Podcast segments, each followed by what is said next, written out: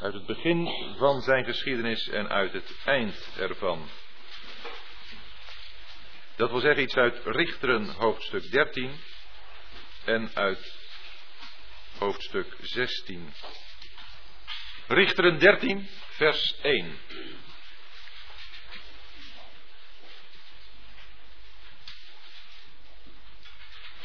De Israëlieten deden opnieuw wat kwaad is in de ogen des Heren. Toen gaf de Heere hen over in de macht der Filistijnen, veertig jaar. Nu was er een man uit Zora, uit het geslacht der Danieten, Manoa genaamd, wiens vrouw onvruchtbaar was en niet baarde. En de engel des Heren verscheen aan de vrouw en zeide tot haar, Zie, gij zijt onvruchtbaar en baart niet, maar gij zult zwanger worden en een zoon baren. Dus neem u in acht en drink geen wijn of bedwelmende drank en eet niets onreins. Want zie, gij zult zwanger worden en een zoon baren. Geen scheermes zal ooit op zijn hoofd komen, want van de moederschoot af zal de jongen een Nazireër Gods zijn. Hij zal een begin maken met de verlossing van Israël uit de macht der Filistijnen. De vrouw nu kwam en zei tot haar man, een man Gods kwam bij mij, die eruit zag als een engel Gods, zeer vreselijk. Ik heb hem niet gevraagd van waar hij was, en hij heeft mij zijn naam niet bekend gemaakt. Maar hij zei tot mij, zie, gij zult zwanger zijn, en een zoon baren. Dus drink geen wijn of bedwelmende drank en eet niets onreins. Want van de moederschoot af, tot de dag van zijn dood, zal de jongen een Nazireër Gods zijn. Dan zien we hoe de engel verschijnt ook aan Manoah. En dan lezen we in vers 17. Daarop zeide Manoah tot de engel des Heren, hoe is uw naam? Want wanneer uitkomt wat gij gezegd hebt, dan willen wij u eren. Maar de engel des Heren zeide tot hem, waarom vraagt gij toch naar mijn naam? Immers, die is wonderbaar. Daarop nam Manoah een geitenbokje en een spijsoffer en offerde dit op een rots aan de Heren. Toen deed hij een wonder, terwijl Manoah en zijn vrouw toezagen. Terwijl de vlam van het altaar omhoog steeg naar de hemel, voer de engel des Heren op in de vlam van het altaar. Toen Manoah en zijn vrouw dit zagen, wierpen zij zich op hun aangezicht ter aarde. De engel des Heren verscheen niet meer aan Manoah en zijn vrouw. Toen begreep Manoah dat het de engel des Heren geweest was. En Manoah zeide tot zijn vrouw, wij zullen zeker sterven, want we hebben God gezien. Maar zijn vrouw zei tot hem, indien de Heere ons had willen doden, dan zou hij geen brandoffer en spijsoffer uit onze hand hebben aangenomen. En hij zou ons dit alles niet hebben laten zien en ons zulke dingen hebben laten horen. De vrouw baarde een zoon en noemde hem Simson. De jongen groeide op en de Heere zegende hem. En de geest des Heeren begon hem aan te drijven in Mahanedan, tussen Zora en Estaol. En het eerste vers van hoofdstuk 14. Simson begaf zich naar Timna en zag de Timna een vrouw, een van de dochters der Filistijnen. Hoofdstuk 16.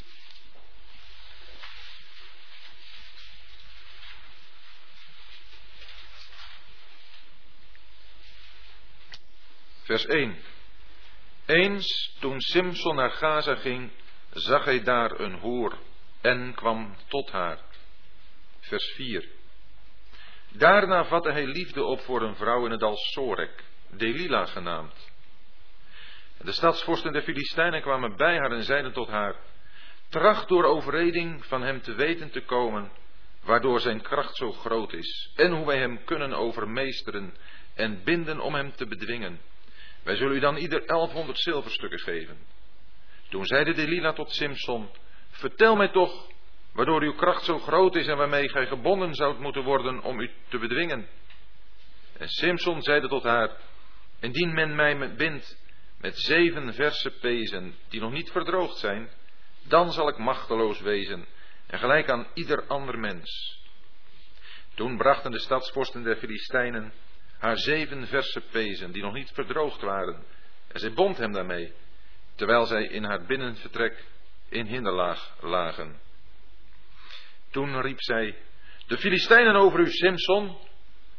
Maar hij verscheurde de pezen zoals een vlassnoer verscheurd wordt, wanneer het vuur geroken heeft. en het werd niet bekend waarin zijn kracht lag. Dan nog twee keer vinden we hoe Delila uit Simson iets krijgt wat niet het geheim van zijn kracht verraadt. In vers 15 lezen we dan. Ze zeiden tot hem, hoe kunt gij zeggen ik heb u lief, terwijl uw hart mij niet toebehoort? Nu hebt gij mij reeds driemaal bedrogen en mij niet verteld waardoor uw kracht zo groot is. En toen gebeurde het. Nadat zij dag aan dag bij hem met haar vragen was blijven aandringen en aanhouden, dat hij ongeduldig werd tot stervens toe. Zijn gehele hart voor haar blootlegde en haar zeide, geen scheermes is ooit op mijn hoofd gekomen, want van de moederschoot af ben ik een Nazireer Gods. Indien ik geschoren werd, zo zou mijn kracht van mij wijken, en ik zou machteloos wezen en gelijk aan ieder ander mens.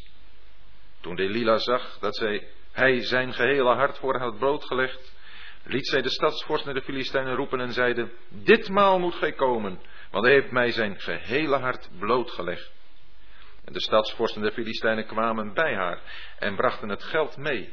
Daarop liet zij hem op haar knieën inslapen, riep iemand en liet de zeven vlechten van zijn hoofd afscheren. Zo begon zij hem in bedwang te krijgen, want zijn kracht week van hem. En zij riep, de Filistijnen over u, Simson. Toen ontwaakte hij uit zijn slaap en dacht, evenals de vorige keren zal ik vrijkomen en mij losrukken. Maar hij wist niet dat de Heere van hem geweken was. De Filistijnen grepen hem, staken hem de ogen uit, voerden hem naar Gaza en boeiden hem met twee koperen ketenen. En hij moest in de gevangenis de molensteen draaien. Maar van het ogenblik af dat zijn hoofdhaar afgeschoren was, begon het weer aan te groeien. Daarop kwamen de stadsvorsten der Filistijnen bijeen om een groot offerfeest te vieren voor hun god Dagon en om vrolijk te zijn. En ze zeiden, onze God gaf Simson, onze vijand, in onze macht. toen het volk hem zag, loofden zij hun God, terwijl zij riepen, onze God gaf onze vijand in onze macht, de verwoester van ons land, die velen van ons gedood heeft. Toen ze in een vrolijke stemming gekomen waren, zeiden zij, roep Simson om, ons te vermaken. En ze lieten Simson uit de gevangenis halen en hij vermaakte hen. Men gaf hem een plaats tussen de zuilen. Toen zei Simson tot de jongen die, bij hem aan die hem bij de hand hield, laat mij los en laat mij de pilaren tasten waarop het gebouw rust om daartegen te kunnen leunen. Het gebouw nu was vol mannen en vrouwen. Alle stadsvorsten der Filistijnen waren daar. En op het dak bevonden zich ongeveer 3000 mannen en vrouwen die naar het spel van Simson keken. En Simson riep tot de heren en zeide, Heere, Heere, Gedenk toch mijner en maak mij nog slechts ditmaal sterk, o God, opdat ik mij met één wraak voor mijn beide ogen op de Filistijnen wreken. Daarop greep Simson de beide middelste zuilen, waarop het gebouw rustte, met zijn rechterhand tegen de ene steunende en met zijn linkerhand tegen de andere. En Simson zeide, dat ik met de Filistijnen sterve. Toen boog hij zich met kracht en het gebouw stortte in, boven de stadsvorsten en boven al het volk dat daarin was. De doden die hij in zijn sterven gedood heeft, waren talrijker dan die hij in zijn leven gedood had. Daarop kwamen zijn broeders en zijn gehele familie, namen hem mee, voerden hem mee en begroeven hem tussen Zora en Estaol in het graf van zijn vader Manoah. Hij nu had Israël twintig jaar gericht.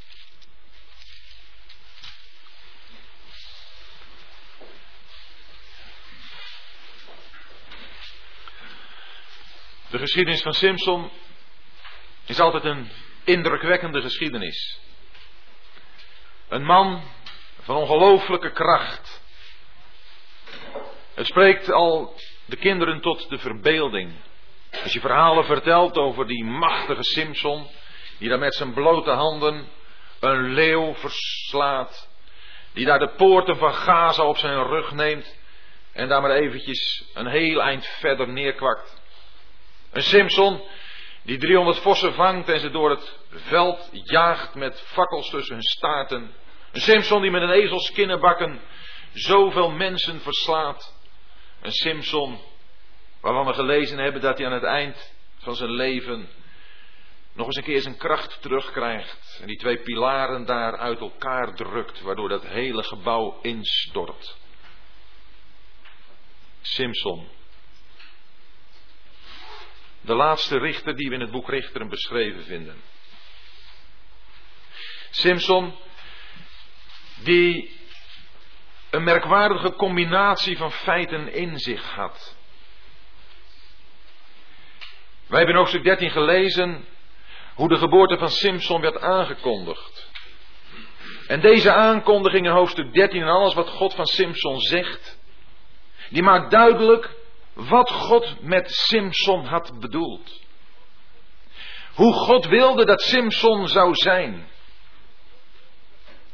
Maar als we van hoofdstuk 14 gaan lezen wat Simpson in de praktijk geweest is, dan zien we dat er in het leven van Simpson maar bitter weinig geweest is. Wat aan dat doel, wat God met Simpson had, heeft beantwoord.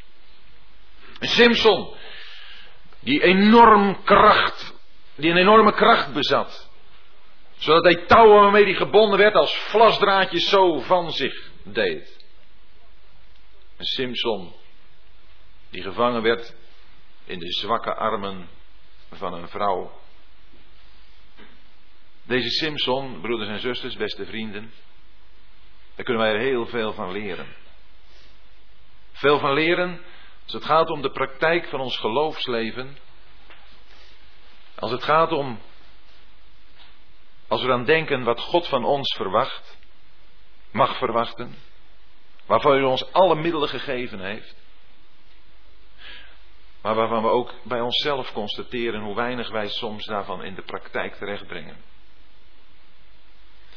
Simson was de man die door God was uitverkoren om het volk van de Filistijnen te bevrijden. En dat is het tweede belangrijke in deze vier hoofdstukken, wat we ons moeten realiseren. Waarvoor was God, wat was God met deze Simson van plan? We hebben gelezen dat God gezegd had, deze Simson zou een begin maken met het verlossen van het volk van de vijand der Filistijnen. En wat zijn nu deze Filistijnen? We hebben al vaker gezien bij het overdenken van dit boek de Richteren, dat de vijanden die het volk Israël belaagden, toen letterlijke vijanden waren. Maar we hebben ook ondertussen hoop ik een beetje begrepen dat deze vijanden voor ons invloeden voorstellen, geestelijke boosheden voorstellen, machten voorstellen, die vijandig zijn en die ons als gelovigen, en ik hoop dat u allemaal hier bent als gelovigen, als kinderen van God, die ons als gelovigen willen beïnvloeden en ons de zegeningen die wij gekregen hebben in Christus willen ontroven. Deze vijanden die werden door God telkens gebruikt om zijn volk, om het even hedendaags te zeggen, weer bij de les te krijgen. Het volk Israël zondigde keer op keer.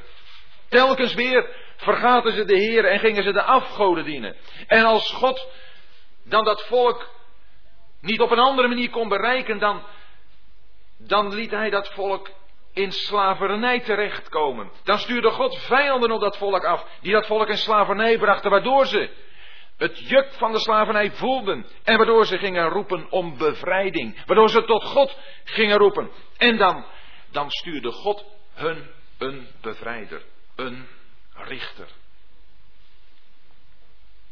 Verschillende keren hebben we dat gelezen. In de hoofdstukken die hier aan vooraf gaan.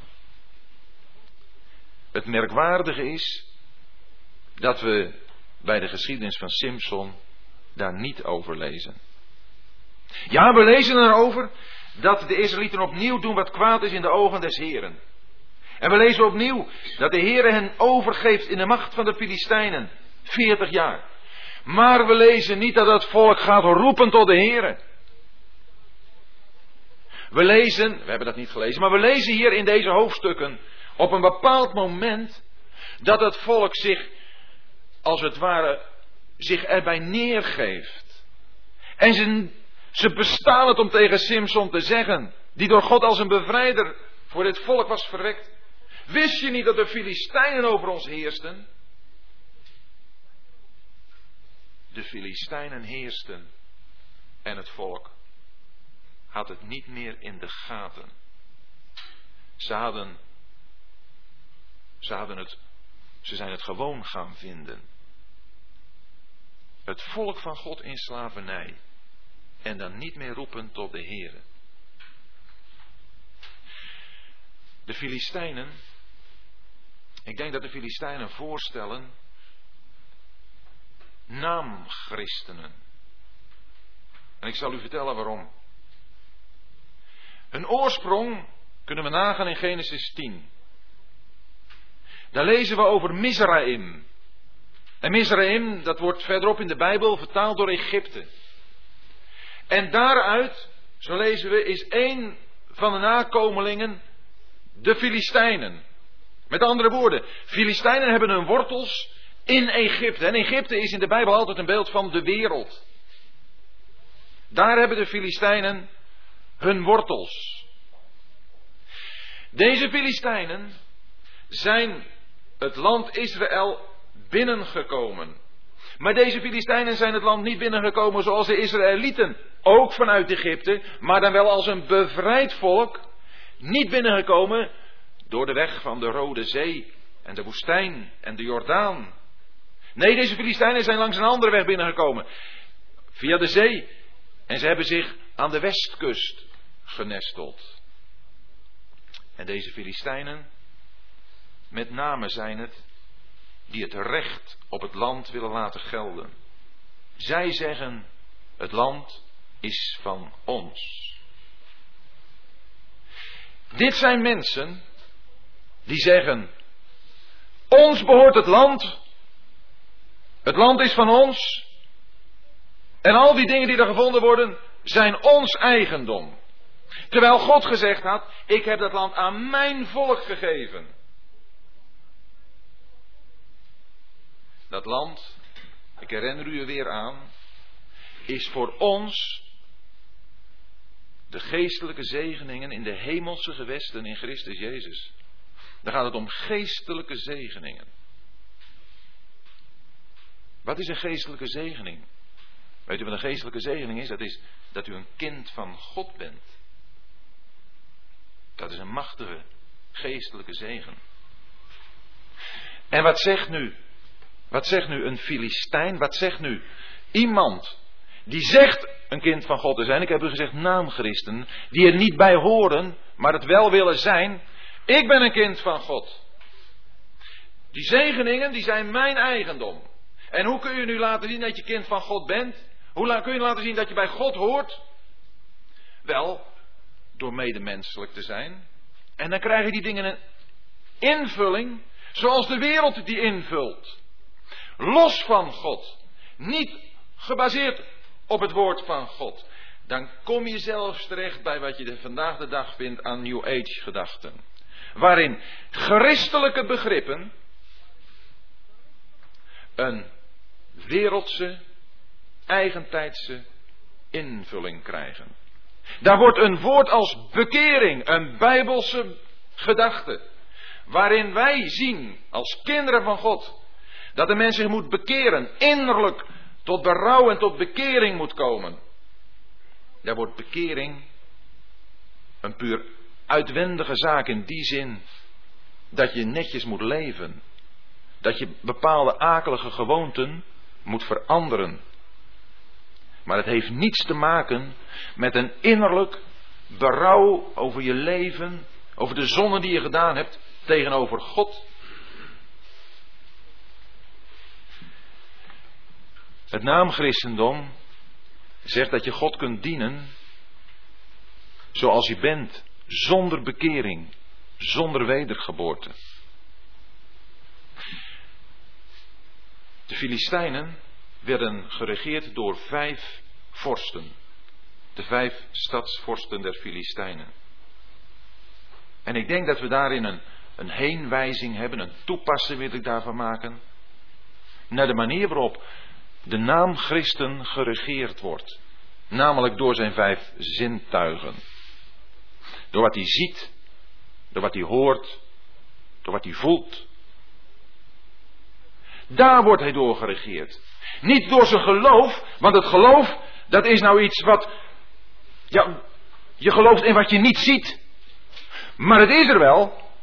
Maar juist wat je niet ziet, dat bepaalt je leven. Terwijl de mens van de wereld, al noemt hij zich christen, zich alleen maar laat gezeggen door wat hij zelf kan beredeneren.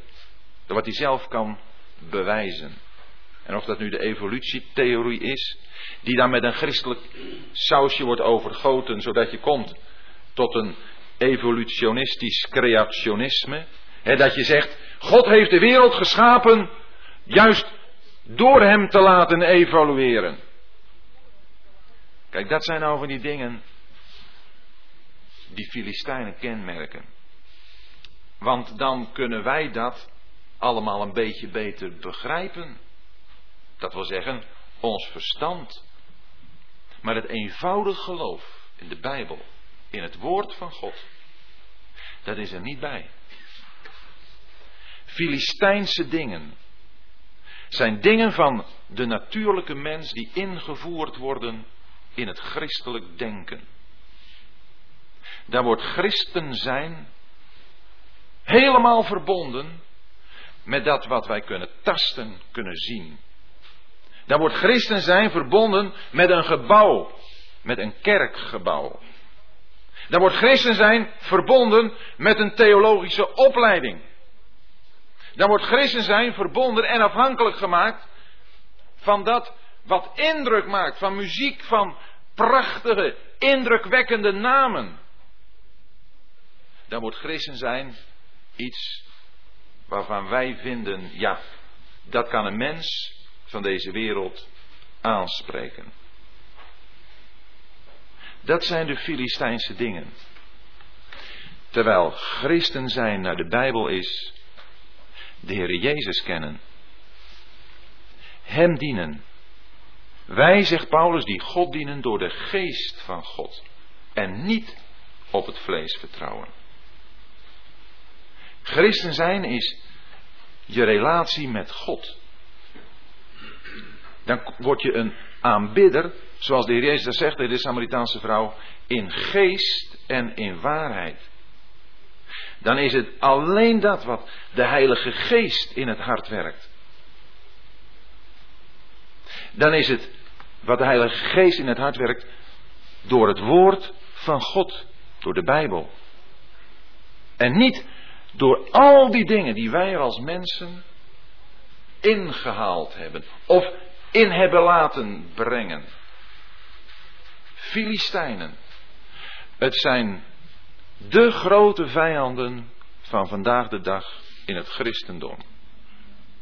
En net zo goed als de Filistijnen uiteindelijk pas definitief verslagen worden door David in het boek Samuel, worden de Filistijnen in ons leven, persoonlijk, in mijn eigen persoonlijke hart en leven, in dat van u, en ook in dat van een geloofsgemeenschap, uiteindelijk pas verslagen als wij de ware David, de Heer Jezus, die plaats geven die hem toekomt. En hoe kunnen wij nu die Filistijn bestrijden?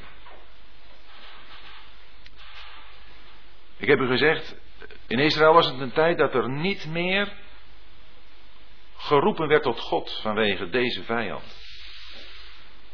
En ik denk dat er vandaag de dag in de christenheid ook nauwelijks meer geroepen wordt tot God vanwege deze vijand. Van al die invloeden in het christen zijn en het beleven van de christen die we vandaag de dag hebben. En toch worden u en ik vanavond aangesproken om eens te kijken naar Simpson. En om eens te luisteren naar wat God tegen deze man en deze vrouw zegt. Die daar wonen in de stam, die behoren bij de stam Dan. Die stam die het verst van Jeruzalem verwijderd was, helemaal in het noorden. Die stam van wie in Richter 1 staat Hoe ze helemaal niets hebben waargemaakt, of bijna niets van de opdracht die God hen gegeven had. Die stam dan, waarvan we in de laatste hoofdstukken, hoofdstukken 17 en 18, lezen wat ze doen met de opdracht van God. Hoe de afgoderij daar ingevoerd wordt. In die stam is een man en een vrouw tot wie God komt. Dat is een, een overblijfsel. Dat is een enkeling. Zomaar een paar mensen in een gewoon gezin. Onbekend. En die komen daar ineens uit de Bijbel naar voren. Die komen naar u en mij toe. De vrouw wordt niet eens bij namen genoemd. De man wel. Maar het is tot de vrouw dat de engel zich wendt. Het lijkt dat in dit gezin de vrouw meer geestelijk is dan de man. Weer zo'n vrouw, zoals we die al eerder gehad hebben in het boek Richteren. Als een Deborah en een Jael. En we toen ook gezien dat dat wijst op de zwakheid van het geheel en op de zwakheid van de man, die zijn plaats eigenlijk niet goed inneemt. En hier komt de engel des Heren tot de vrouw opnieuw. En die komt met een boodschap. Oh broeders en zussen, wat is het machtig. En ik hoop dat u hier zit als mensen die ook vanavond bereid bent een boodschap van God te ontvangen. Want misschien zit u ook wel in een omgeving, een situatie, waarvan u weet, de Filistijnen heersen. Het dienen van God is een puur menselijke aangelegenheid geworden. De geest van God kan niet meer werken. Dan wil God u vanavond duidelijk maken hoe u, hoe u een Nazireër kunt zijn. Hoe u iemand kunt zijn die door God gebruikt kan worden om een begin te maken met het verslaan van deze Filistijnen. Er was in dit echtpaar niets wat een aanknopingspunt vormde om te gaan beginnen. Ik heb u al gezegd, gericht tot een vrouw, maar dan ook nog eens, en het wordt als het ware benadrukt door die engel, zie gij zijt onvruchtbaar. Ze had ook nog geen kind. Onvruchtbaar. Maar we weten dat God juist, als wij ons realiseren hoe zwak wij zijn, dat er uit ons niets kan voortkomen. Hoe God dan kan gaan werken. We hebben dat in eerdere geschiedenissen als, als van Isaac en Rebecca. Onvruchtbaar. Als Samuel en, als een Samuel zeg ik, als een Hanna. Getrouwd met Elkana. Als een Elisabeth in het Nieuwe Testament. Mensen die onvruchtbaar zijn. En wat God dan kan gaan doen. Dan kan God gaan werken. Zodra u en ik ons realiseren dat in ons geen kracht is. En ik denk dat deze vrouw van Manoah, misschien ook wel samen met haar man, maar er een gebedszaak van gemaakt hebben. Net zo goed als, als Hanna, die het gezegd heeft, Heer, als u mij dan een zoon geeft, dan zal ik hem u toewijden. En Samuel, dat werd een Nazireër. Ja, het was toen toen nog niet veel beter. Het was ook ongeveer in dezelfde tijd. Misschien dat Simpson en Samuel elkaar nog wel gekend hebben. Maar ook Hanna heeft erom gebeden. deze vrouw, misschien heeft ze erom gebeden. Omdat ze zich realiseerden in wat voor een situatie zij zich bevond, maar ook in wat voor een situatie het volk van God zich bevond. Dat het volk zich er gewoon bij neerlegde, er tevreden mee was dat de Filistijnen heersten. Dat alles zo is dat het totaal niet meer beantwoordt aan Gods gedachten over zijn volk. En wat zijn nu de kenmerken van deze jongen die geboren zou worden? In de eerste plaats wordt tegen de vrouw gezegd in vers 4 dus neem u in acht en drink geen wijn of bedwelmende drank en eet niets onreins. De jongen die geboren zou worden, die zou een moeder hebben die in haar eigen leven de kenmerken van het Nazireërschap toonde. Als u iets wil lezen over de Nazireër, dan kunt u dat doen in nummer 6. Ik hoop dat u dat hoofdstuk wel eens gelezen hebt in nummer 6. Daar lezen we over iemand die zich aan de Heer wil toewijden. Vrijwillig. En voor een bepaalde tijd. En dan zegt God, en als er dan zo iemand is, dan zijn er drie dingen die hij moet doen of laten. Hij mag geen wijn of bedwelmende drank drinken. Hij mag zich niet verontreinigen over een dode. En hij moet zijn haar lang laten groeien. Deze drie dingen, die vinden we hier ook. Bij deze Nazireër. Alleen, hier gaat het niet om een vrijwillige zaak. En het gaat hier ook niet om een in tijdsduur beperkte zaak. Het wordt hier Simpson als het ware opgelegd. Dat zal hij zijn. En hij zal het zijn voor zijn hele leven. En wat zou het machtig zijn als u vanavond en ik vanavond wilden gaan kijken, maar ook zoals we dat in ons gebed gezegd hebben, een verlangen zouden krijgen om te gaan doen wat God met Simpson van plan is geweest. Maar dat betekent dan ook dat wij aan die voorwaarden moeten voldoen. Geen wijn of sterke drank. De wijn is in de Bijbel een beeld van vreugde. Maar meer van aardse vreugde. Iets wat op zichzelf niet verkeerd is. Want we lezen dat het de wijn is die God en mensen verheugt. God en mensen. Het zijn de leuke dingen van het leven, die je ook als christen mag genieten.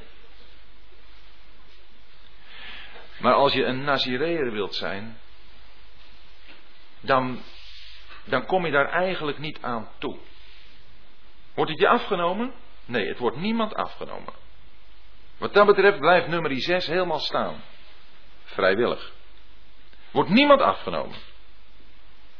Maar wie zich realiseert dat er een strijd te strijden is, dat er een vijand is die zo ongelooflijk machtig is, die zal zich ook realiseren dat er afstand moet worden gedaan van bepaalde dingen die voor andere mensen best geoorloofd zijn, maar die voor iemand die zich aan de Heer wil wijden, niet geoorloofd kunnen zijn, omdat hem dat zou hinderen in zijn volle toewijding aan de Heer. Daar doe je dan afstand. Het verontreinigen over een dode. Daar gaat het om duidelijk verkeerde dingen, zonden. Daar moet je je niet mee verontreinigen. Dat was iets wat het hele volk Israël niet mocht doen. Nummer 19 lezen we dat. Telkens als ze zich verontreinigden, dan moesten ze weer een offer brengen. Maar de Naziree mocht het zeker niet doen. De zonde mag in ons leven geen plaats hebben. Maar ook de aanraking ervan niet. En hij moest zijn haar lang laten groeien. Het lange haar, dat spreekt in de Bijbel van afhankelijkheid. In 1 Korinthe 11 lezen we dat de vrouw het lange haar gegeven is als een sieraad. Om daarmee te laten zien dat zij aan haar man onderdanig is en afhankelijk van hem. Het is dat wat in de scheppingsorde van God het onderscheid duidelijk maakt tussen de man en de vrouw.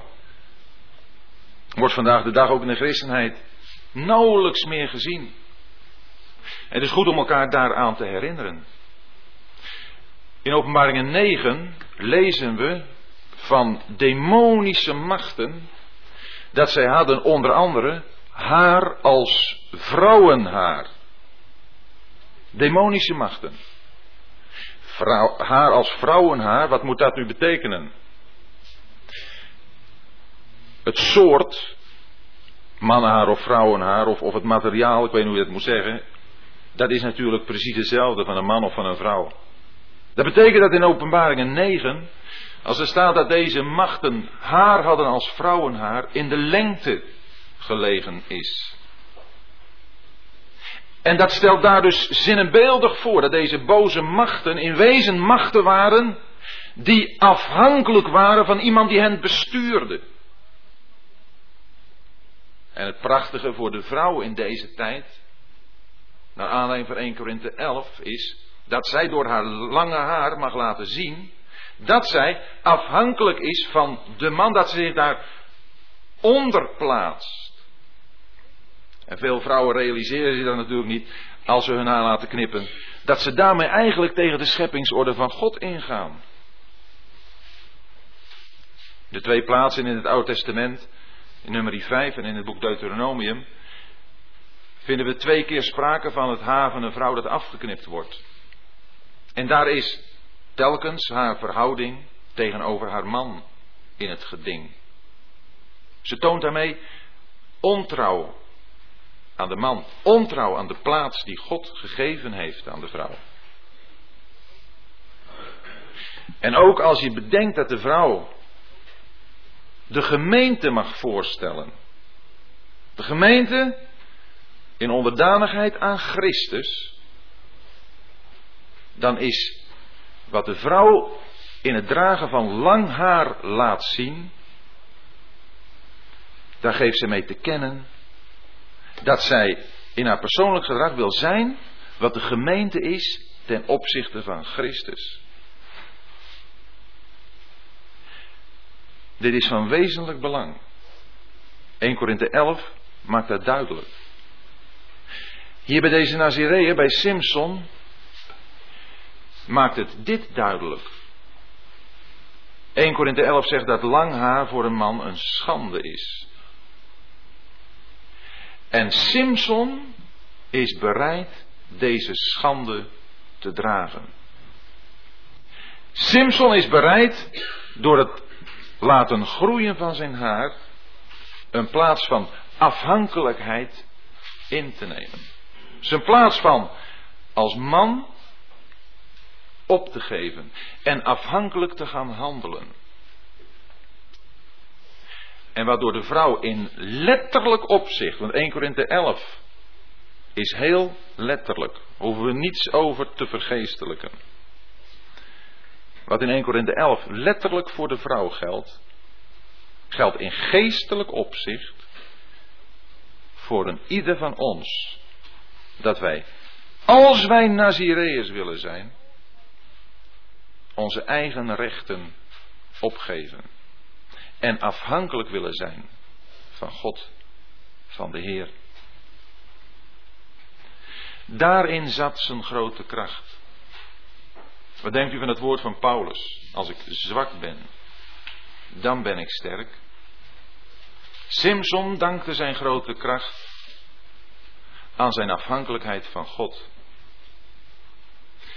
Toen zijn haar werd afgeknipt, was hij zijn kracht kwijt.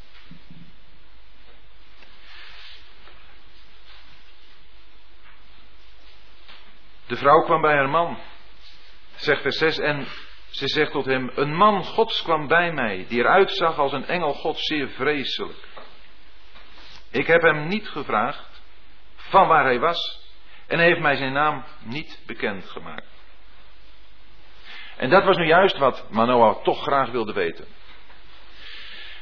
En daarom gaat hij vragen of die man nog een keer mag komen. En dan komt die man. En dat hebben we gelezen. En dan vindt daar die ontmoeting plaats. Want we moeten ons goed realiseren dat deze opdracht, die Manoah en zijn vrouw krijgen, van God zelf komen. Van Hem die zijn volk lief heeft. En u en ik vanavond, als wij een Simpson willen zijn en daaraan willen beantwoorden, krijgen een opdracht van God zelf. Maar dan willen we die God ook leren kennen. Dan willen we ook weten wie Hij is. Het is net als met de discipelen. Die het zich ook hebben afgedaan. Toen de Heer een machtig wonder gedaan had. Wie is toch deze? Hier ook. Wie is hij? En als er die ontmoeting plaatsvindt en er wordt naar zijn naam gevraagd, dan wordt er gezegd: Wat vraagt u mij naar mijn naam? Die is toch wonderlijk. Wel, we denken dan toch aan Jesaja 9. Want een zoon is ons gegeven, een kind is ons geboren. En men noemt zijn naam onder andere wonderbaar. En hoe wonderbaar dat is, dat zien we als deze engel des Heren wonderbaar gaat handelen in zijn doen. Manoah die gaat een offer brengen. Dit is allemaal voorbereiding voor de geboorte van Simson.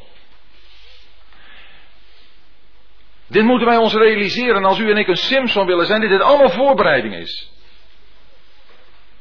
Dus die voorwaarden die we hebben gezien, die ontmoeting die er was, het kennen van de naam van de Heer, het brengen van een offer. Brengt u een offer aan de Heer? Als u die ontmoeting met Hem gehad hebt en u weet, ja, Hij is wonderbaar. Doorgronden zullen wij Hem nooit. Onze God en de Heer Jezus. Die kunnen we ten diepste niet kennen. En toch openbaart Hij zich aan ons. Is dan ook onze reactie dat we willen offeren? Dan komt er een offer. En een offer wil zeggen dat wij Hem danken en prijzen. Dat we Hem eren en bewonderen. Dat we Hem vertellen dat we van Hem houden. En dan handelt Hij wonderbaar in zijn doen. Het offer spreekt van het werk van de Heer Jezus op het kruis. Maar wat zien we hierna, nadat dit offer gebracht is? Dat Hij daar, die engel des Heren, opstijgt in de vlam van dat offer naar boven. En wat betekent dat? Dat Manoah en zijn vrouw, ze hebben naar boven gekeken. En weet u, dat is wat wij moeten doen. Willen wij Nazireer Gods kunnen worden, dan moeten wij naar boven kijken. Nadat we het offer hebben gebracht, nadat we ons hebben gerealiseerd op het kruis van de Heer Jezus Christus, daar is alles volbracht. Daar is de grondslag gelegd om een Nazireer te kunnen zijn. Nadat we ons dat gerealiseerd hebben, zullen we naar boven kijken. Want de Heer Jezus is verheerlijkt aan Gods rechterhand. Weet u, daar zijn onze zegeningen. Van daaruit heeft Hij ook de Heilige Geest gegeven in het leven van een ieder van ons. Want alleen door de Heilige Geest kunnen wij dingen voor de Heer doen.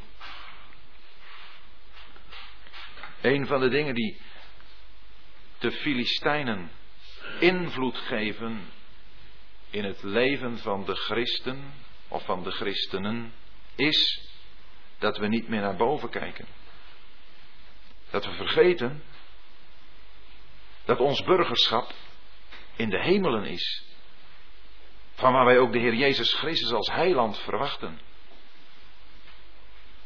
Dat we ons niet meer realiseren dat wij al in Christus gezet zijn in de hemelse gewesten. Dat dat ons thuis is. Als wij gaan denken dat hier op aarde ons verblijf is. Dat we het hier moeten maken. Dan worden we alleen maar horizontaal gericht. Maar we moeten ons realiseren, en dat moet ons telkens opnieuw voorgehouden worden, u en mij. Als we ons realiseren dat onze verbinding is met een in de hemel wonende Christus, dan zullen we de dingen bedenken die boven zijn. Niet die op de aarde zijn. Want ons leven is in Christus, met Christus verborgen in God. Dat zegt Colosse 3 vers 1. En dan kan Christus als de hoop der heerlijkheid hier in ons leven gestalte krijgen. Dan zullen de Filistijnen verjaagd worden. Dan gaat dat menselijke verdwijnen, minder worden. Maar we zullen telkens naar boven moeten kijken. 2 Korinthe 3 vers 18 zegt dat zo mooi. Want wij allen die met onbedekt aangezicht de heerlijkheid van de Heer aanschouwen, worden naar hetzelfde beeld veranderd. Van heerlijkheid tot heerlijkheid. Als door de Heer, de Geest. Dat zal een uitwerking hebben in ons leven. Als we ons zo met Hem bezighouden. Met Hem die de ware Nazireer is geweest hier op aarde. Hij heeft zich volmaakt aan God toegewijd. Hij heeft nooit iets van de mens, van het menselijk denken in zijn leven toegelaten. Ja, toen Petrus daar was, die zei, nadat de Heer gesproken had over zijn lijden. Dit zal u geen zins geschieden, Heer. Toen zei hij tegen Petrus, ga weg achter mij, Satan. Want je bedenkt niet de dingen van God, maar de dingen van de mensen. Welke plaats heeft het kruis van Christus in ons leven? Ja, een, een, een, een Nazireër heeft het niet gemakkelijk. Maar een Nazireër is verbonden met iemand die verworpen is, die in de hemel is. Simpson heeft het ook niet gemakkelijk gehad. Wat denkt u? U kent die geschiedenis hoop ik best. Maar toen de Judeërs kwamen om hem gevangen te nemen. En het tegen hem zeiden, wist u niet dat de Filistijnen over ons heersten? Wat denkt u dat het door Simpson is heen gegaan? Zijn eigen volksgenoten kwamen om hem gevangen te nemen. Om hem te binden met touwen. Dat is niet gemakkelijk. Het is niet gemakkelijk, beste broeder of zuster, om in je eigen omgeving een Nazireër Gods te zijn. Iemand die alleen, maar dan ook echt helemaal alleen voor God wil leven. En die korte metten wil maken met het bedenken van de mensen.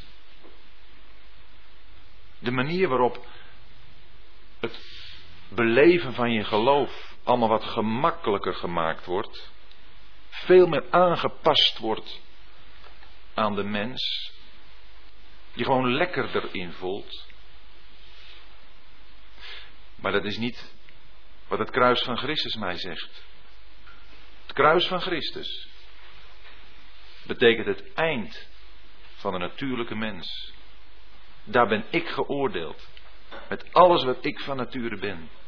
Daar blijft niets van mij over.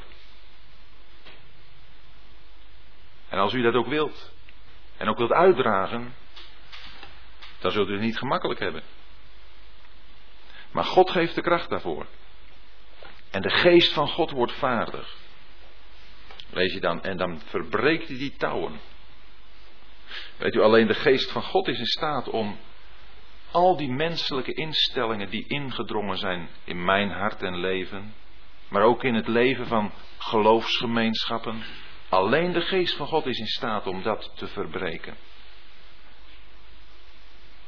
Als je leest in 1 Petrus 4, als iemand spreekt, laat het zijn als uitspraken van God.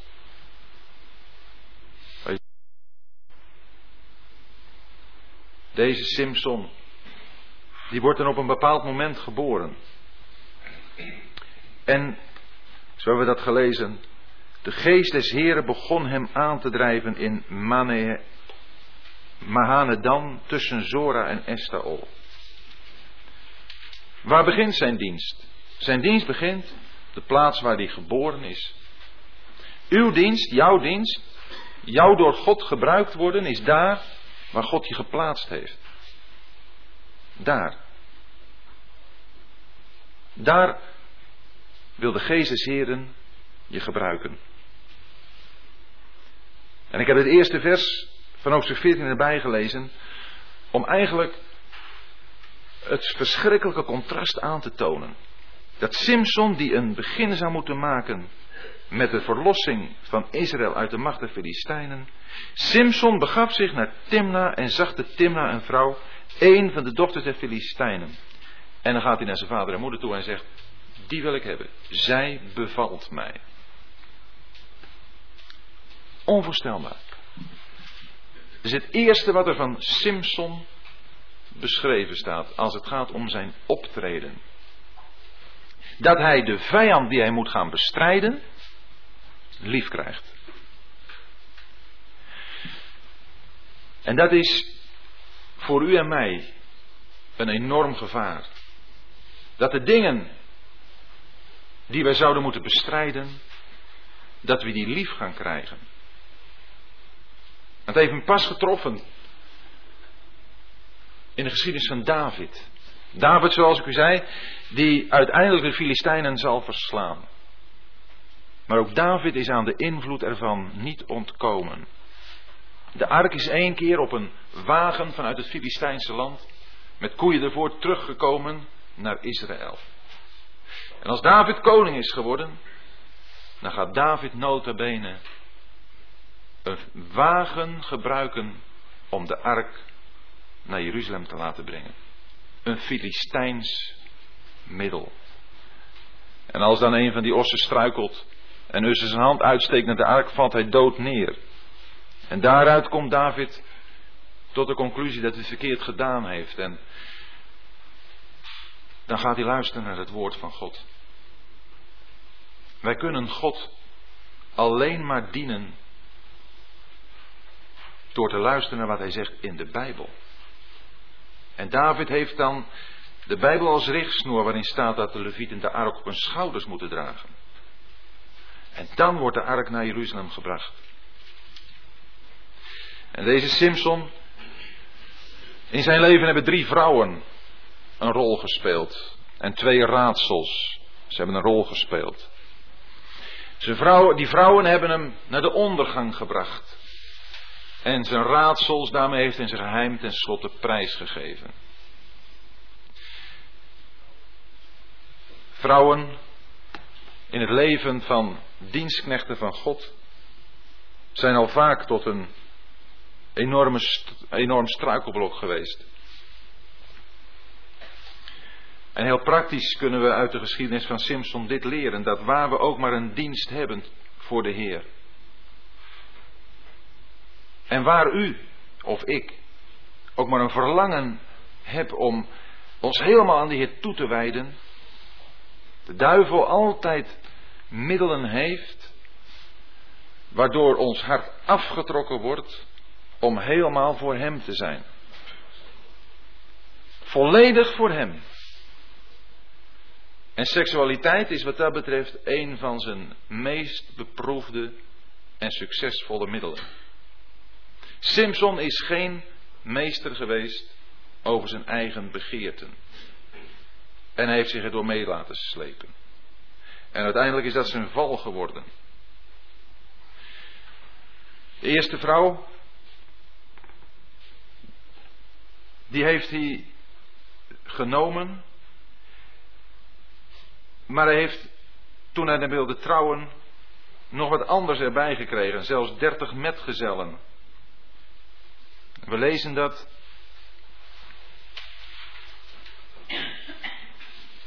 In vers 11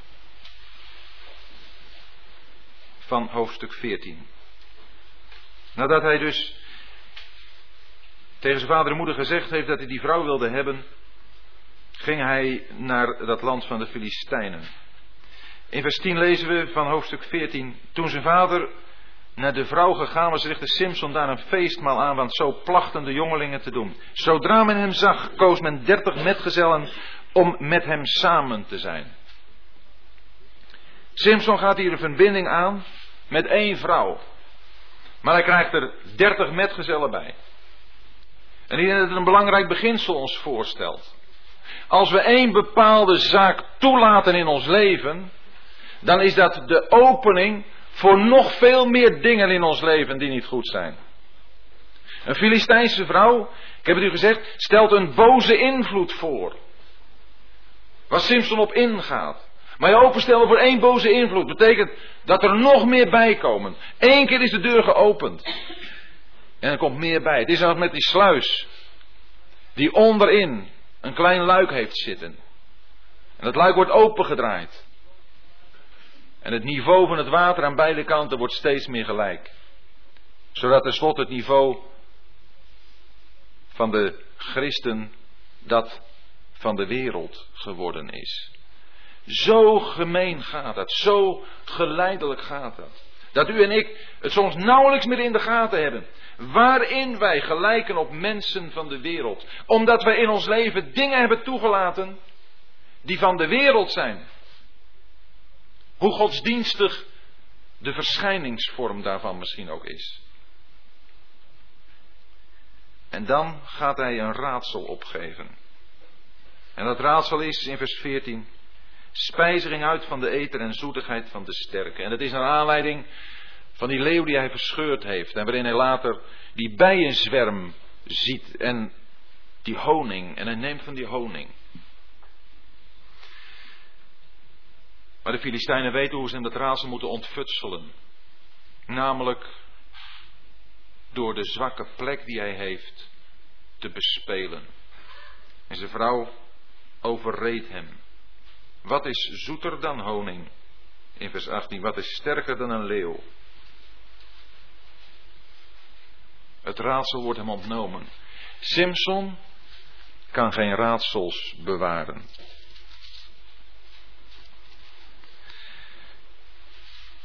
En als daarop in hoofdstuk 15 Simpson naar zijn vrouw wil gaan, dan zien we dat die vader zijn vrouw aan een ander heeft gegeven. En dan wordt Simpson te machtig. Dan wordt Simpson heel erg boos. En hij zegt in vers 3 van hoofdstuk 15: Ditmaal zal ik onschuldig zijn jegens de Filistijnen. En wat ging Simpson dan doen? Dan gaat hij vossen vangen. Onreine dieren. En die 300 die hij vangt, bindt hij met staarten aan elkaar, per twee stuks. En daartussen een fakkel en hij jaagt ze door het land. Welk land? Ja, het land van de Filistijnen, maar wie behoorde het eigenlijk? Het land Israël. Wat Simpson hier doet, laat ons iets zien en geeft ons een belangrijke les ten aanzien van. Als ons iets is aangedaan waar we boos over zijn. Als ons onrecht is aangedaan en wij willen wraak nemen. Simpson handelt hier uit pure wraakgevoelens. Want wat hij nu gaat doen, dat doodt geen enkele Filistijn. Het enige wat er gebeurt is dat de oogst van het land verwoest wordt. De oogst van het land wat eigenlijk van het volk van God is. In plaats dat hij nou de Filistijnen had verslagen, dan had zijn volk tenminste van de opbrengst van het land kunnen eten. Nu is de opbrengst van het land is door zijn persoonlijke haatgevoelens en de uitleving daarvan teniet gedaan. En broeders en zussen, ik denk dat het een belangrijke les is ook voor ons. Hoeveel wordt er niet aan geestelijk voedsel aan het volk van God ontnomen? Door een vete die er kan zijn tussen gelovigen, door wraakgevoelens, door twee broeders, twee zusters die elkaar niet kunnen uitstaan. En die over de hoofden heen van zoveel een vete uitvechten, waardoor het volk van God geen voedsel krijgt. Kent u zo'n situatie? Kan gebeuren in geloofsgemeenschappen. Die eraan te gronden gaan. Doordat er enkele zijn die zich zo tekort gedaan voelen en die hun recht willen halen. Simpson is daarin een heel afschrikwekkend voorbeeld voor u en mij. Wel, hij verslaat nog een keer een aantal Filistijnen.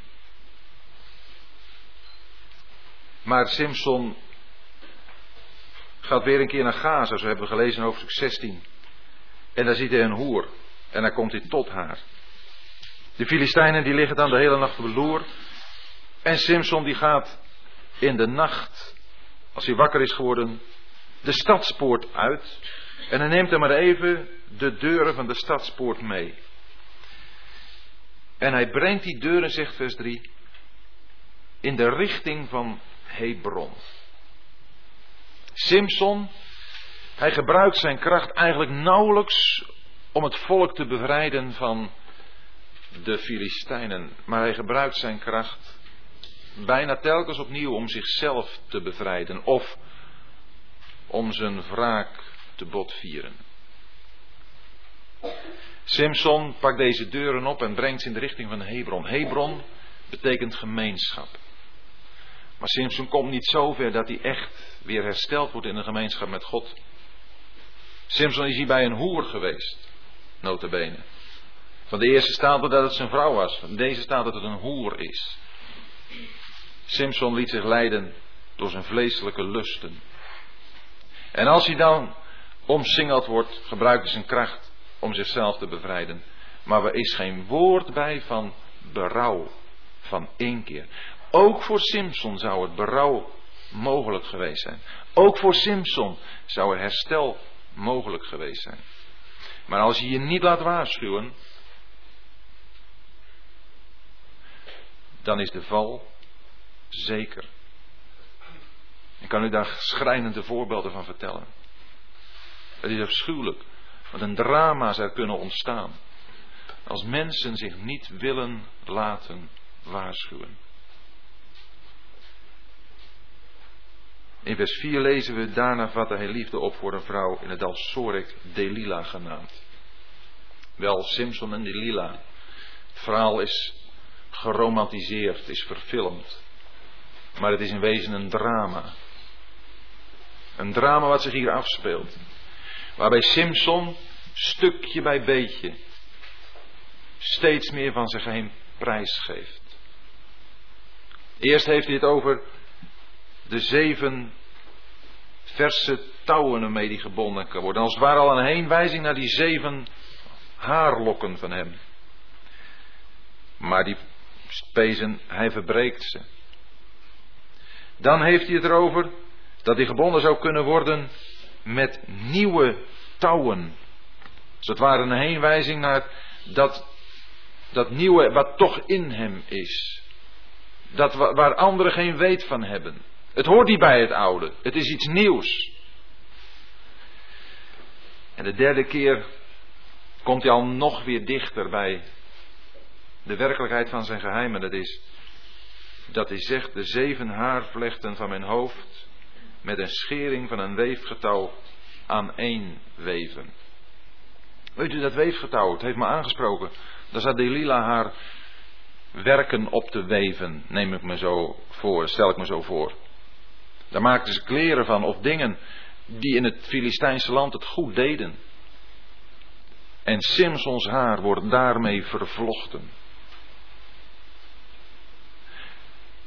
Dat gebeurt bij ieder van ons. Als wij ons niet radicaal gescheiden houden van wat in naam christelijk is, maar waarmee we toch arm in arm gaan. Dan zal die vervlechting steeds ingrijpender zijn. Een vervlechting waar die eigenlijk ook niet helemaal goed van vrijkomt. Want hij bevrijdt zich wel, maar wat staat er? Hij rukte de weverspin en de schering los. Hij maakte zijn haar niet los uit dat geheel waarmee het verweven was. Maar hij trok dat hele zaakje trok hij los. En het zat aan zijn haar vast. Met andere woorden, Simpson was op dat moment een toonbeeld van vermenging. En dan komt tenslotte het moment dat hij zijn geheim helemaal prijsgeeft. En die Lila weet dat. Op het moment dat hij zegt, ja als mijn haar eraf geknipt wordt, dan zegt ze, en nu moeten jullie komen en je kunt geld meenemen, want dit is het. Al die keren hebben de Filistijnen het niet doorgehad. Waarin zit nu toch zijn grote kracht? Waarin? Er is geen mens in de wereld die voor u, van u en mij weet waarin onze kracht zit als we afhankelijk blijven van de Heer. Maar zodra we met dat geheim te koop gaan lopen, is onze kracht in wezen weg.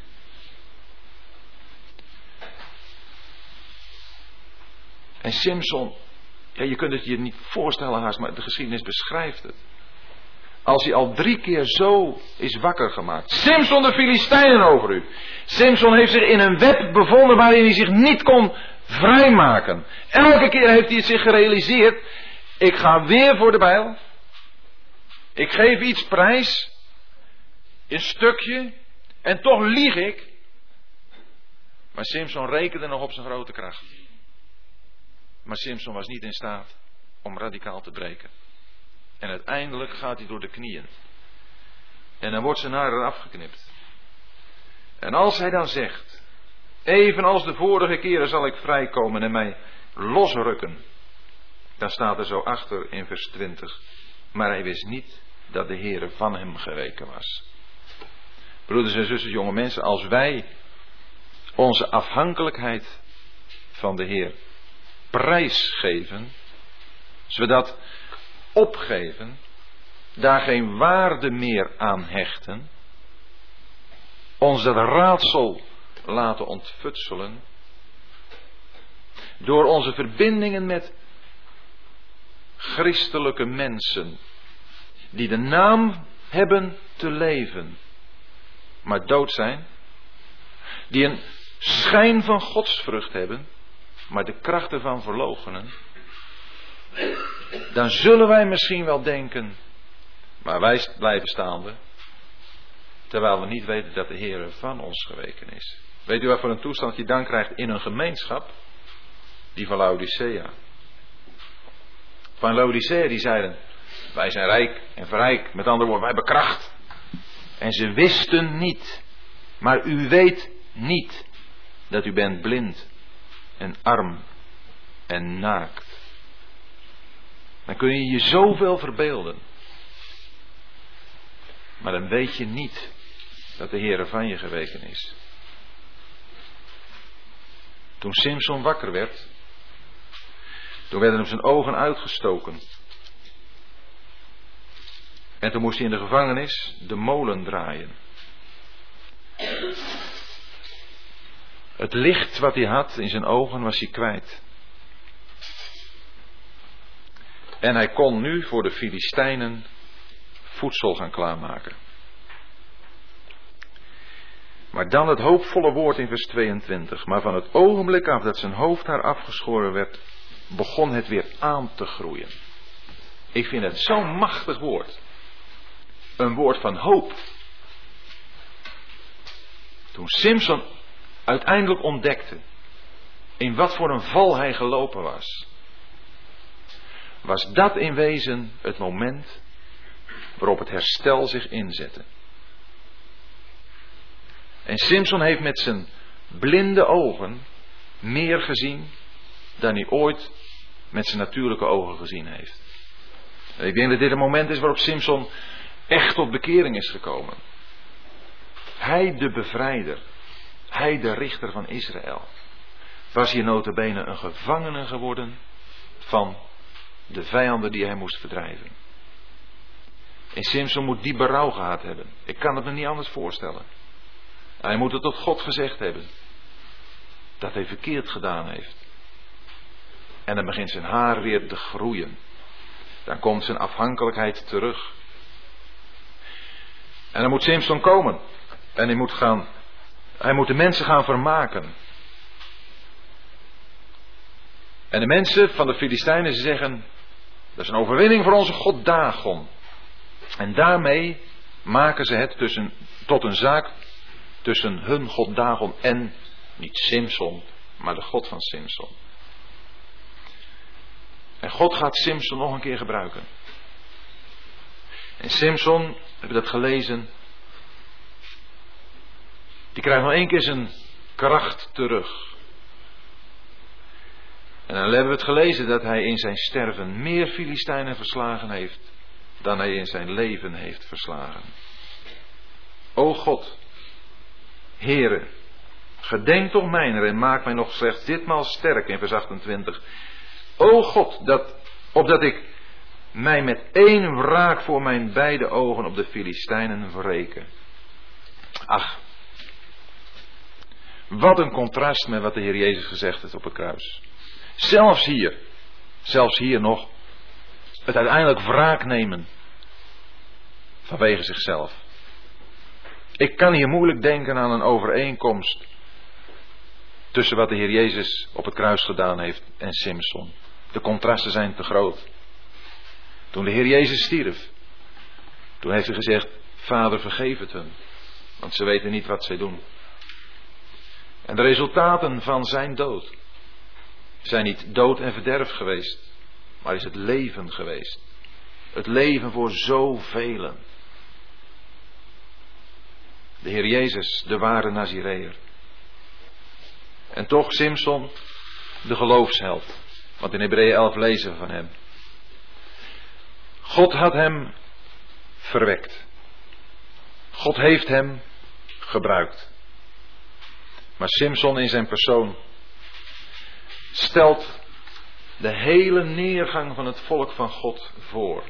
Hij is de laatste richter, zoals gezegd. En het hele boek der richteren spreekt van een neergaande lijn.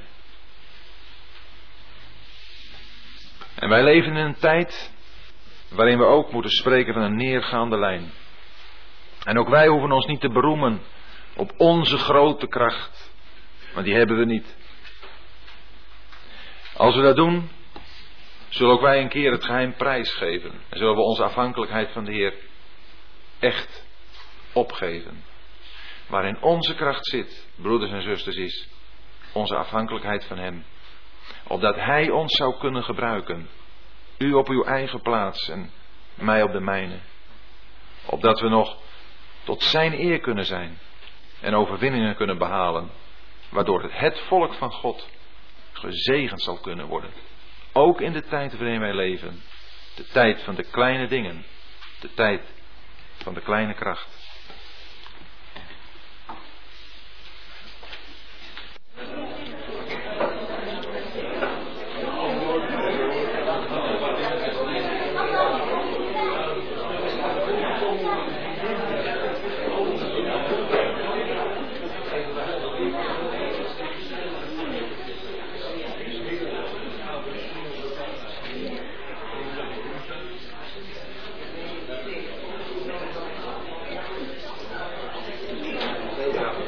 Nee hoor, nee, nog een paar. Dit zijn ze eigenlijk, het zijn vrij korte vragen ook. Maar het is misschien mooi met eindigen dat ik echt dat wat hij eh, met de kinderen wat uh, de levenskracht weer het water drinkt. Oh, van, uh, van Simpson? Ja? Ja, ja weet je, je, je moet zo, er staan zoveel dingen in, dacht ik ook, nog plaatsen. Ja, dat zo. Ja, ik zal het zo zeggen, ja, ja.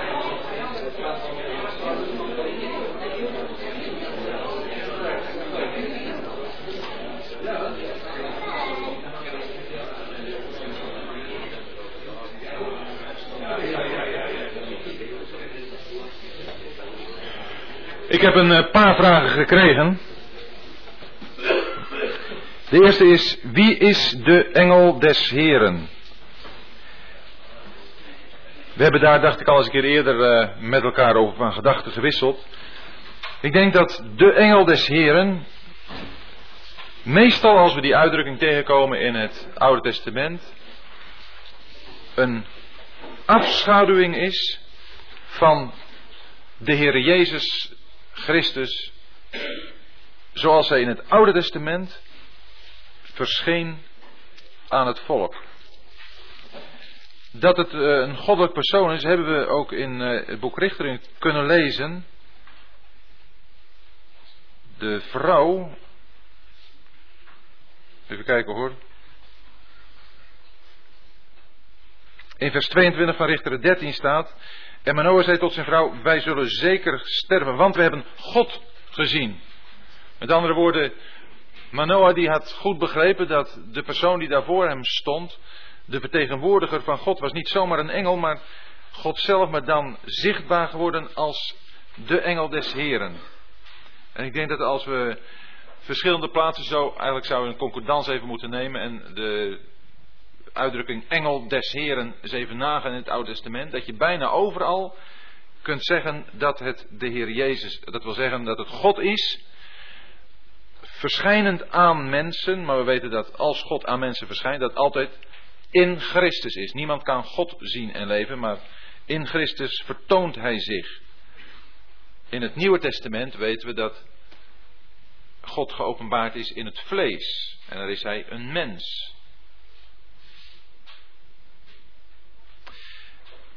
De tweede vraag is: klopt het dat iedere gelovige zeven engelen heeft om hem haar te beschermen? Nou, ik, ik weet het niet of het er zeven zijn. Ik weet wel dat het een hele partij zijn.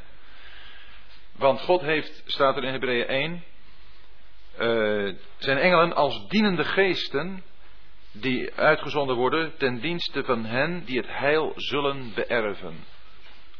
Ook nu zijn wij omgeven door een menigte engelen. Die zien we niet, maar ze zijn er wel. Er is een onzienlijke wereld, de engelenwereld. Zij kijken ook neer, zegt Efeze 3, op de gemeente. In Efeze 3 staat dat.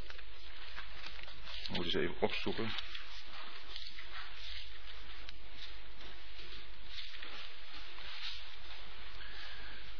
Ze worden dan niet als engelen genoemd, maar in Efeze 3, vers 10.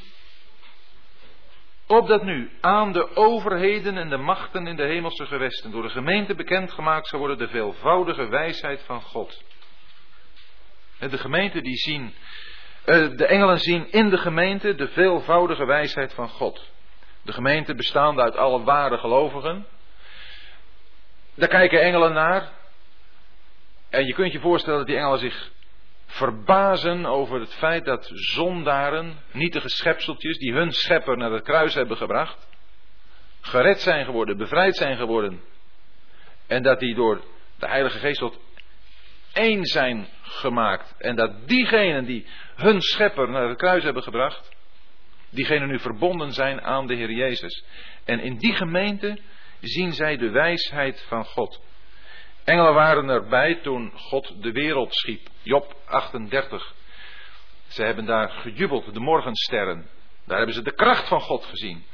Maar hier in de gemeente zien ze de wijsheid van God.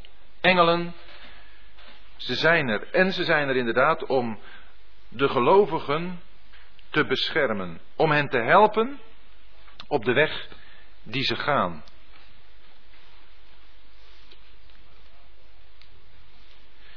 Maar het aantal, dat, uh, dat denk ik dat dus wat speculatief is. Een volgende vraag. De Heer Jezus wordt de ware Nazi of Nazoreer genoemd. Waar staat dit eigenlijk? De Heer dronk wel wijn. Ja, ik heb u al gezegd dat in het Nieuw Testament uh, wij de dingen van het Oude Testament voor ons Mensen die in de tijd van het Nieuwe Testament leven, geestelijk moeten toepassen. wij worden ook niet verontreinigd als we een dode aanraken. Dat werd de Heer ook niet. Dat werd de Heer trouwens nooit natuurlijk ook niet toen hij Melaatse aanraakte. Maar de Heer was in zijn hele houding wel de ware Nazireër. Dat staat niet letterlijk in de Bijbel. Als het gaat om zijn geboorteplaats, dan is het een Nazarener. We moeten die twee uitdrukkingen niet met elkaar verwarren. Nazoreer of Nazireer, dat heeft te maken met afzondering en toewijding aan God. Maar dat hij Nazarener is genoemd, dat heeft te maken met zijn geboorteplaats, Nazareth. En dat stamt af van het woord spruit, Netzer. Ja, ik ken geen Hebreeuws, dus ik haal alleen maar een, voetnoot aan in deze Bijbel, dus dat is helemaal niet uh, iets om van achterover te vallen dat is spruit. Dat is uh, dat hij is ontsproten aan. Dat hij iemand is die mens is geworden. Nazarener. Maar Nazireer of Nazoreer, dat is dus wat in het Oude Testament wordt gebruikt. Dus er staat niet dat hij letterlijk dan dat hij een uh, Nazireer is, maar hij is het natuurlijk in zijn hele leven wel degelijk geweest. Net zo min als we kunnen lezen dat de Heer lang haar gedragen heeft, wat je wel in uh, kinderbijbels of zo ziet. Ook daar is geen enkele grond voor om dat te veronderstellen.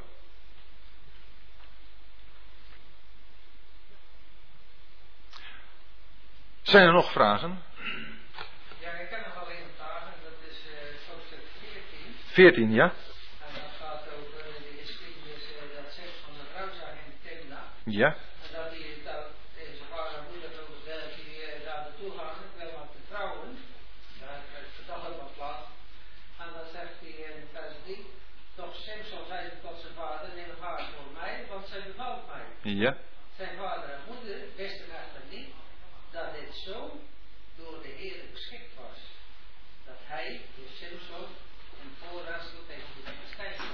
Dat stukje dat dit zo door de Heer geschikt was. Ja dat is uh, inderdaad niet zo eenvoudig. Om die twee gedachten aan elkaar te koppelen. Aan de ene kant de eigenwilligheid van Simpson.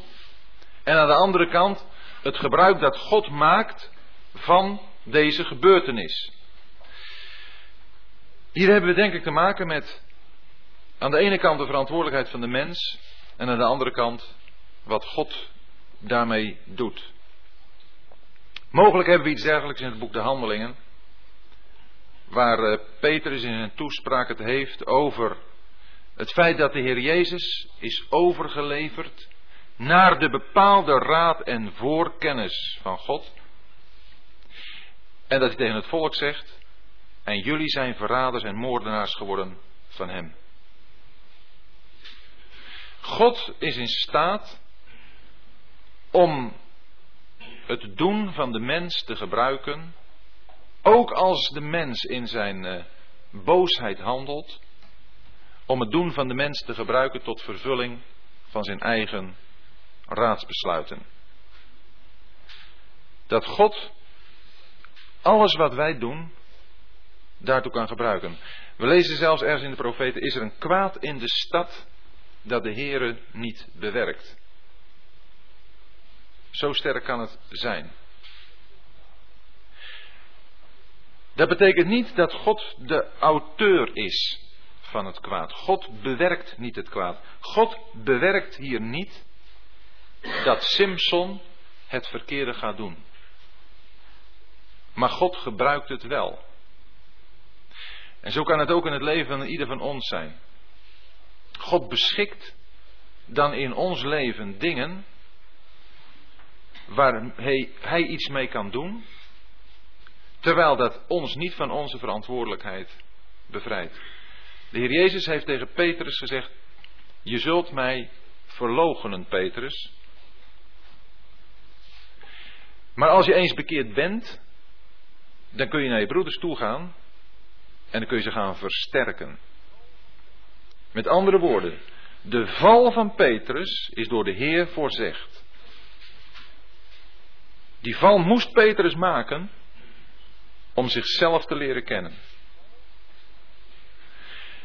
Een val die Petrus tot berouw moest brengen, tot inkeer, tot zelfkennis, maar die door God gebruikt werd om hem, omdat hij zichzelf heeft leren kennen, anderen daarna kon gaan versterken.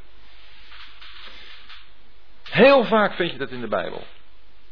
Dat wat wij doen, God toelaat, of soms zelfs, uh, ja, dat je kunt zien dat God dat zo bestuurt, zonder dat het van onze verantwoordelijkheid iets afneemt. Neem Judas. Judas die zo'n buitengewoon voorbeeld is daarvan dat hij door de Heer is uitverkoren. Heb ik niet u de twaalf uitverkoren en één van u is een duivel. De Heer wist wat Judas zou zijn. En de Heer heeft erover gesproken. De Heer heeft hem aangewezen. En Judas heeft helemaal beantwoord aan dat wat God van hem maakte? Nee. Judas was iemand die het geld lief had. Judas was iemand die zich openstelde voor de duivel zelf. En de Satan voert tenslotte in hem. En hij heeft hier overgeleverd. Judas is door God gebruikt. Over Judas is geprofeteerd, notabene, in het Oude Testament. Maakt dat Judas ook maar 1% minder verantwoordelijkheid, verantwoordelijk? Nee. Dat zijn de dingen die wij niet kunnen uh, bij elkaar brengen, die wij niet kunnen overzien. Dat kan God alleen. Doordenkend hierover zou je tenslotte kunnen komen tot ja, wat je algemeen wel kunt horen in sommige christelijke kringen. Ja, maar luister eens, als je niet uitverkoren bent, dan kom je er toch niet hoor. God die doet het. God, eh, hebben ze nog een tekst ook. God die werkt hoor. Het willen en het werken. En trouwens, ja, wie heeft zich tegen God verzet? Niemand kan toch zijn wil weerstaan? Hij ontfermt zich over wie hij wil. En hij verhardt wie hij wil. Romeinen 9. Maar we moeten begrijpen dat Romeinen 9 ons spreekt over de soevereiniteit van God. God staat boven alles. En dan staat er daarom ook bij. Maar wie zijt gij, o mens? Dat gij God oordeelt. Zouden wij het doen en later van God kunnen beoordelen? Zouden wij eventjes God ter verantwoording kunnen roepen? Zeg God, dan moet je eens luisteren. Uh, dat met Judas, dat, dat is Judas niet kwalijk nemen, hè? Dat, dat moest je toch doen? Dat staat toch eh, van hem in de Bijbel? God, zo hebt u Judas gemaakt en uh, het is onrechtvaardig wat u nu doet. Ja, en zo zijn er vandaag de dag mensen hoor, die dat zeggen. En die van Judas notabene een held maken. En voorbij gaan aan wat de schrift zegt. Er zijn dingen in de schrift die wij niet kunnen rijmen. We lezen het in de geschiedenis van de scheuring van het rijk. In tien stammen en twee stammen. Als het rijk in tweeën is gescheurd, dan wil Rehabeam optrekken om de tien stammen weer aan zich te onderwerpen. En dan wordt er een profeet naar hem toegestuurd en die zegt tegen Rehabeam, Rehabeam, dan moet je laten, want deze zaak is van mij geschied. Ja, wat kun je er nou van, van begrijpen? Wilde God dat dan? Wilde God die scheuring? Wij moeten begrijpen dat God boven alles staat. God staat echt boven alles. Er is niets wat gebeurt waar hij, bij wijze van spreken, niets in te zeggen heeft. Het zou toch ondenkbaar zijn dat er zo een aantal dingen gebeuren of kunnen gebeuren in uw en mijn leven. Ja, waar God bij wijze van spreken met zijn handen in het haar zit. Van ja, nou, daar kon ik ook niks aan doen. ik zeg het nu met, met, met eerbied. Tenminste, ik wil niet oneerbiedig zijn, maar zo praten soms mensen over God. Maar wij moeten ons goed realiseren dat God boven alles staat. En alles omvat en alles omsluit. Maar dat betekent niet, want dan gaan wij God indenken, in inperken binnen ons eigen denkkader. En dat is de grote dwaasheid die wij als mensen soms kunnen begaan. Dat wij God willen begrijpen en daarmee God willen beoordelen.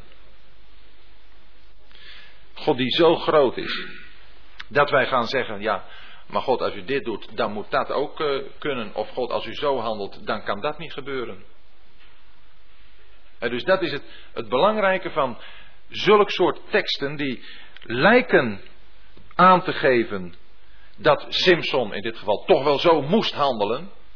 Of dat Judas toch wel zich zo moest gedragen. Omdat God dat zo gewild heeft. Dat die lijken aan te geven dat ze dus niet anders konden. Zulke teksten zijn er meer. Maar ze geven niet aan wat wij er met onze menselijke conclusies aan verbinden. En daarmee wegkruipen voor de verantwoordelijkheid die we hebben. Want in ieder leven van u en mij gebeuren zulke soort dingen. Dat er dingen in ons leven kunnen zijn waar we zelf verantwoordelijk voor zijn en waarvan we achteraf zien dat God zijn hand erin gehad heeft. Waarvoor je, ja het is gek, maar waarvoor je God ook nog wat het resultaat betreft kunt danken.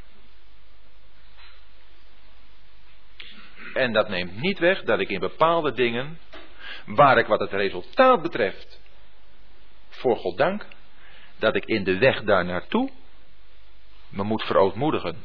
Omdat het mijn weg geweest is. Omdat ik eigenwillig ben geweest. En dat betekent dat Gods genade overheerst. Dat Gods genade daarboven staat. En dat maakt hem groot. Want hoe kleiner ik word, hoe groter hij wordt. Maar in het Nieuwe Testament komt Simpson nog een keer voor. Ja. En de Hebreeën. Ja. Klopt. Ja. ja. Ja, ik dacht dat ik het even aangehaald had, maar inderdaad moeten we niet vergeten. Die wordt daar genoemd. Ook Simpson wordt daar als een geloofsheld genoemd. Onvoorstelbaar. Maar hij staat er wel. Ja. En dan nog een klein vraagje.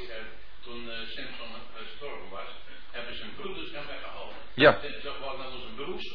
Broeders eh, Dat weet ik niet. Maar ze hebben hem in elk geval naar het graf.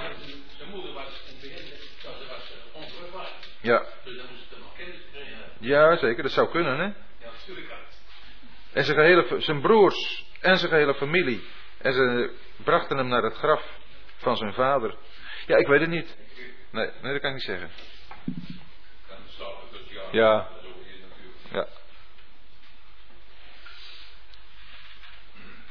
Goed. Kinderen. Wie? Hanna. Hanna, die kreeg daarna ook nog eh, zes eh, kinderen, hè? geloof ik. Met z'n zessen waren ze, ja. Ja, klopt. Goed, Jan.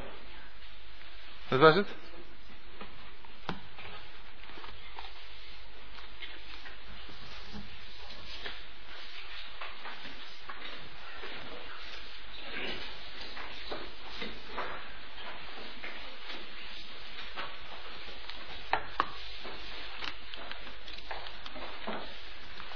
Dat is toch mooi om zo af te mogen sluiten met eh, Simpson, de geloofsheld uit Hebreeën 11. En het eind van hem is dat hij is zegevierend ingegaan.